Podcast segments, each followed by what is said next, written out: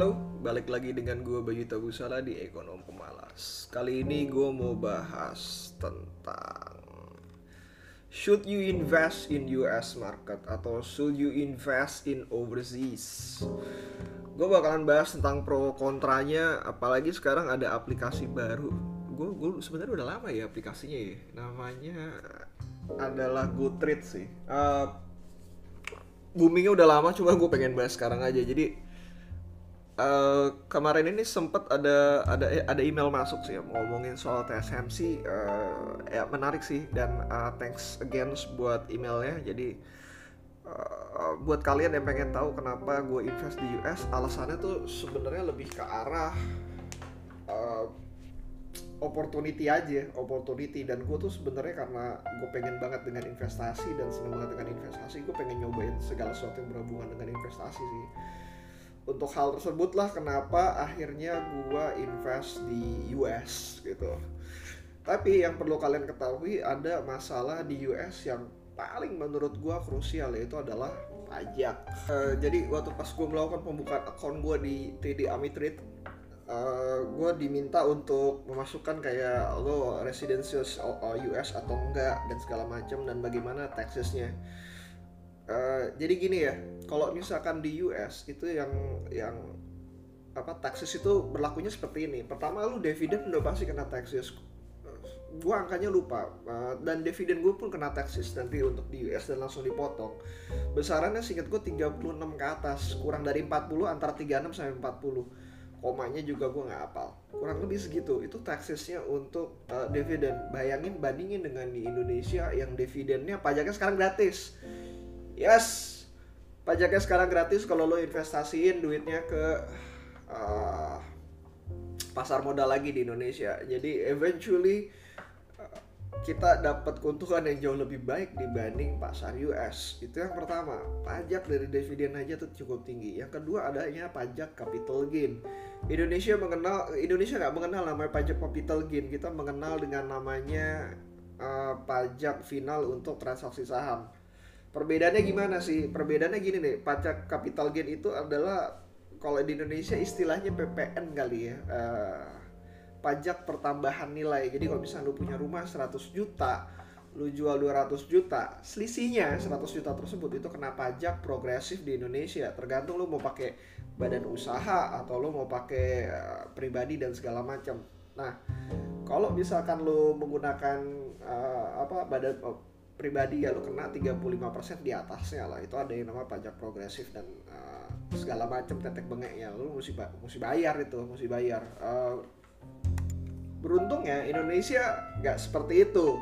Uh, khusus yang kayak contoh yang sama misal properti kita cuma kena PPN 10% dan itu pajaknya final. Kalau misalkan uh, di US balik lagi capital gain ya tadi seperti yang gue udah uh, sebutkan. Itu kayak lu punya properti 100 juta atau lu beli saham harga 100 juta. Lu mesti hitung kayak capital gainnya berapa? Oh 200 juta apa capital gainnya 100 juta. Jadi lu jual saham 100 juta uh, jual beli saham 100 juta jual saham 200 juta capital gain 100 juta lu kena pajak progresif. Makanya itu ada beberapa account yang di US kayak Roth IRA atau itu semacam kayak dana pensiun. Bedanya dana pensiun di Indonesia sama di luar negeri itu lebih ke arah gini sih.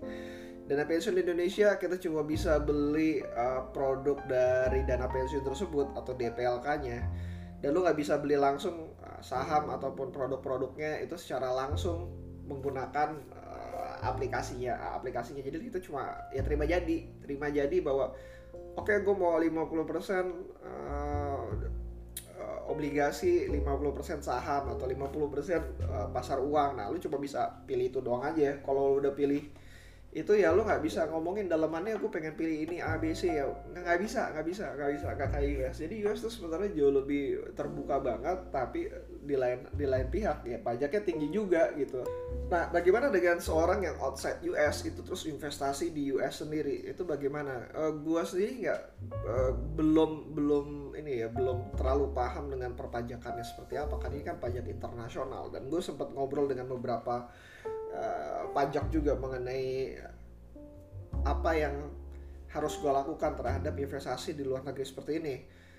Uh, itu pun termasuk dengan yang namanya satu uh, lu kalau misalkan lu punya trading berdasarkan forex foreign exchange uh, atau biasa main forex atau commodity terus udah gitu lu kalau misalkan dapat juga dari misalkan trading bitcoin dan segala macam yes lu kena pajak yang sama dengan gua itu adalah pajak capital gain yang nggak pernah ada uh, sebelumnya. Jadi kalau misalkan lo berusaha membawa duit, duit membawa duit tersebut dari luar ke dalam, lo akan kena pajak tersebut gitu.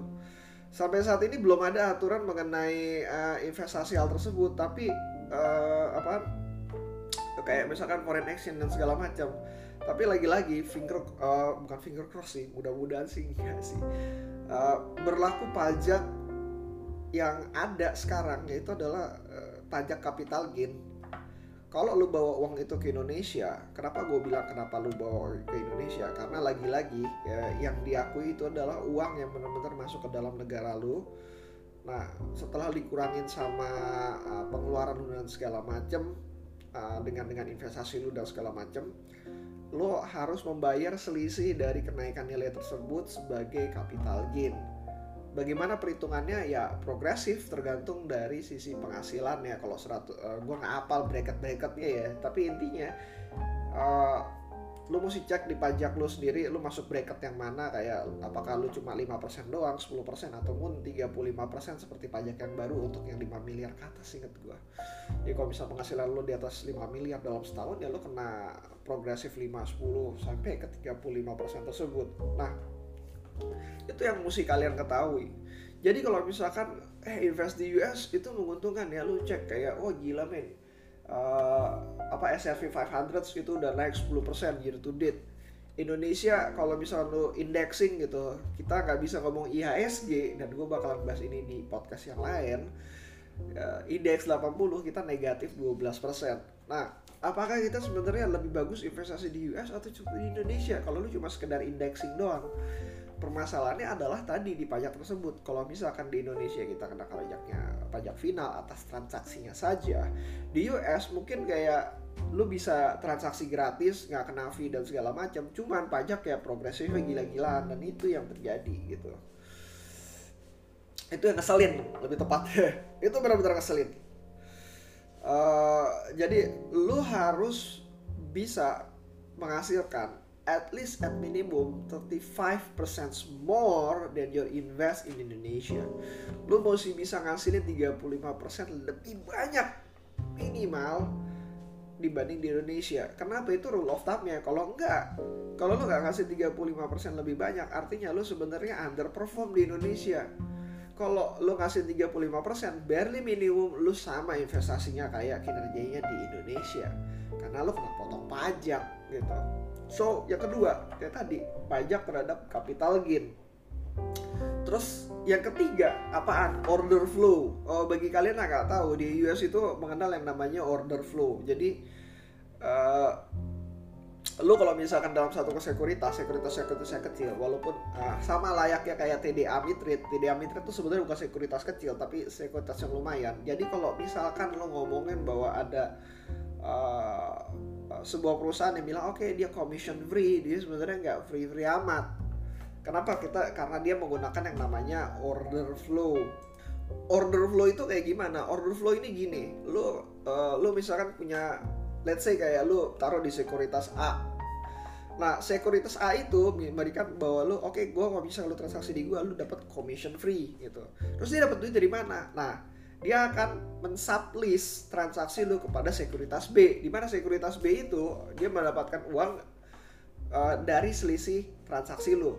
Gimana caranya? Jadi ketika lu mau beli AK 10 rupiah, 10 rupiah, dia akan sublease hal tersebut ke uh, sekuritas yang B di mana sekuritas B akan mengambil 10 rupiahnya tersebut dan 10 rupiah itu nanti dia akan carikan order yang misalkan dapatnya misal 9 atau 8 rupiah gitu 9 atau 80 rupiah dan selisihnya 2 rupiah tersebut dia akan kutip sebagai penghasilan dari uh, sekuritas B nanti dan akan diberikan kepada sekuritas A sebagai jasa fee untuk mengorder flow ke dalam uh, transaksi lo. Nah, uh, order flow ini lebih bahaya lagi karena Uh, dan gue melakukan kesalahan di awal-awal. Dan gue masih sering melakukan hal tersebut kesalahannya. Dan uh, it cost a lot. Makanya gue sekarang kayak untuk mengurangi hal tersebut gue bakal transaksi lebih banyak dan memisah-misahkan hal tersebut. Uh, apa kalau lo melakukan pembelian di US itu lo nggak kayak di Indo. Nggak bisa lo kayak spot rate gitu. Hari ini langsung buy gitu. Nggak nggak nggak gitu juga gitu lu pasti ditawarin uh, apalagi kalau misalnya spreadnya tinggi lu pasti bakalan ditawarin dengan harga yang paling pojok kanan gitu. Paling tinggi di pojok kanan.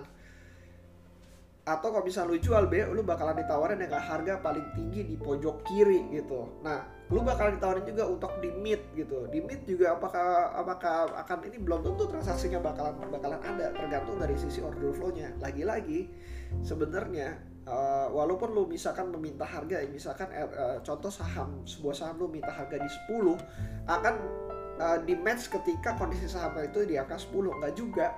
Lu bakalan mungkin di match di angka yang uh, lebih rendah atau lebih tinggi sedikit gitu. Karena lagi-lagi sekuritas ya butuh ngambil untung juga. Itu aja sih yang jadi masalah. Nah dari hal-hal tersebut setelah lu ketahuin plus minusnya apalagi kalau misalkan lu cuma investasi hal-hal kecil dan receh dan lu nggak mementingkan kayak namanya pajak uh, you should lu butuh untuk mementingkan pajak ketika lu masuk ke investasi di US karena in the end ketika lu benar-benar menghasilkan uang dan cukup banyak uh, kecuali lu mau kabur di mana gue tidak menyarankan untuk untuk hal tersebut ya lagi-lagi lu pasti akan berhadapan dengan pajak dan pajak itu wajib lu bayar. Jadi pikir lagi apakah lu benar-benar harus investasi di US kalau lu seperti gue dan lu cinta dengan dunia investasi gue sarankan untuk buka wawasan lu terhadap investasi di US uh, ya gue sih bilangnya kita nggak tahu rezekinya kayak gimana sih. Dan untuk hal yang sama kenapa gue di US gue mengambil resiko yang cukup tinggi menggunakan pasar options. Karena in the end kalau lu nggak bisa ngasilin 35% lebih banyak it's not worth it. Yang pertama yang kedua kalaupun lu rugi ya uang yang gue taruh di US juga nggak seberapa banyak dibanding gue investasi di Indo.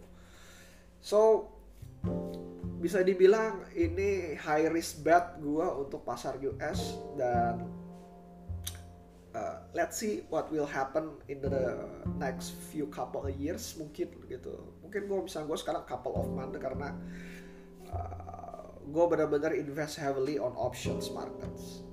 Oke, okay, uh, eh, thanks again udah yang nanya-nanya dan uh, eh, gue nggak ngerti gimana. Gue beberapa kali juga ngeliat di Stockbit ada orang yang menggunakan EVCFO, entah siapa pun anda, you are rocks. Walaupun gue tahu kemungkinan besar nggak denger dari gue, tapi uh, eh, gue gue senang beberapa ada ada ada penerapan yang seperti itu dan uh, lu bisa ngeliat uh, view dari sifat uh, view dari sisi lain lah. See you again next time. Uh, ada pertanyaan?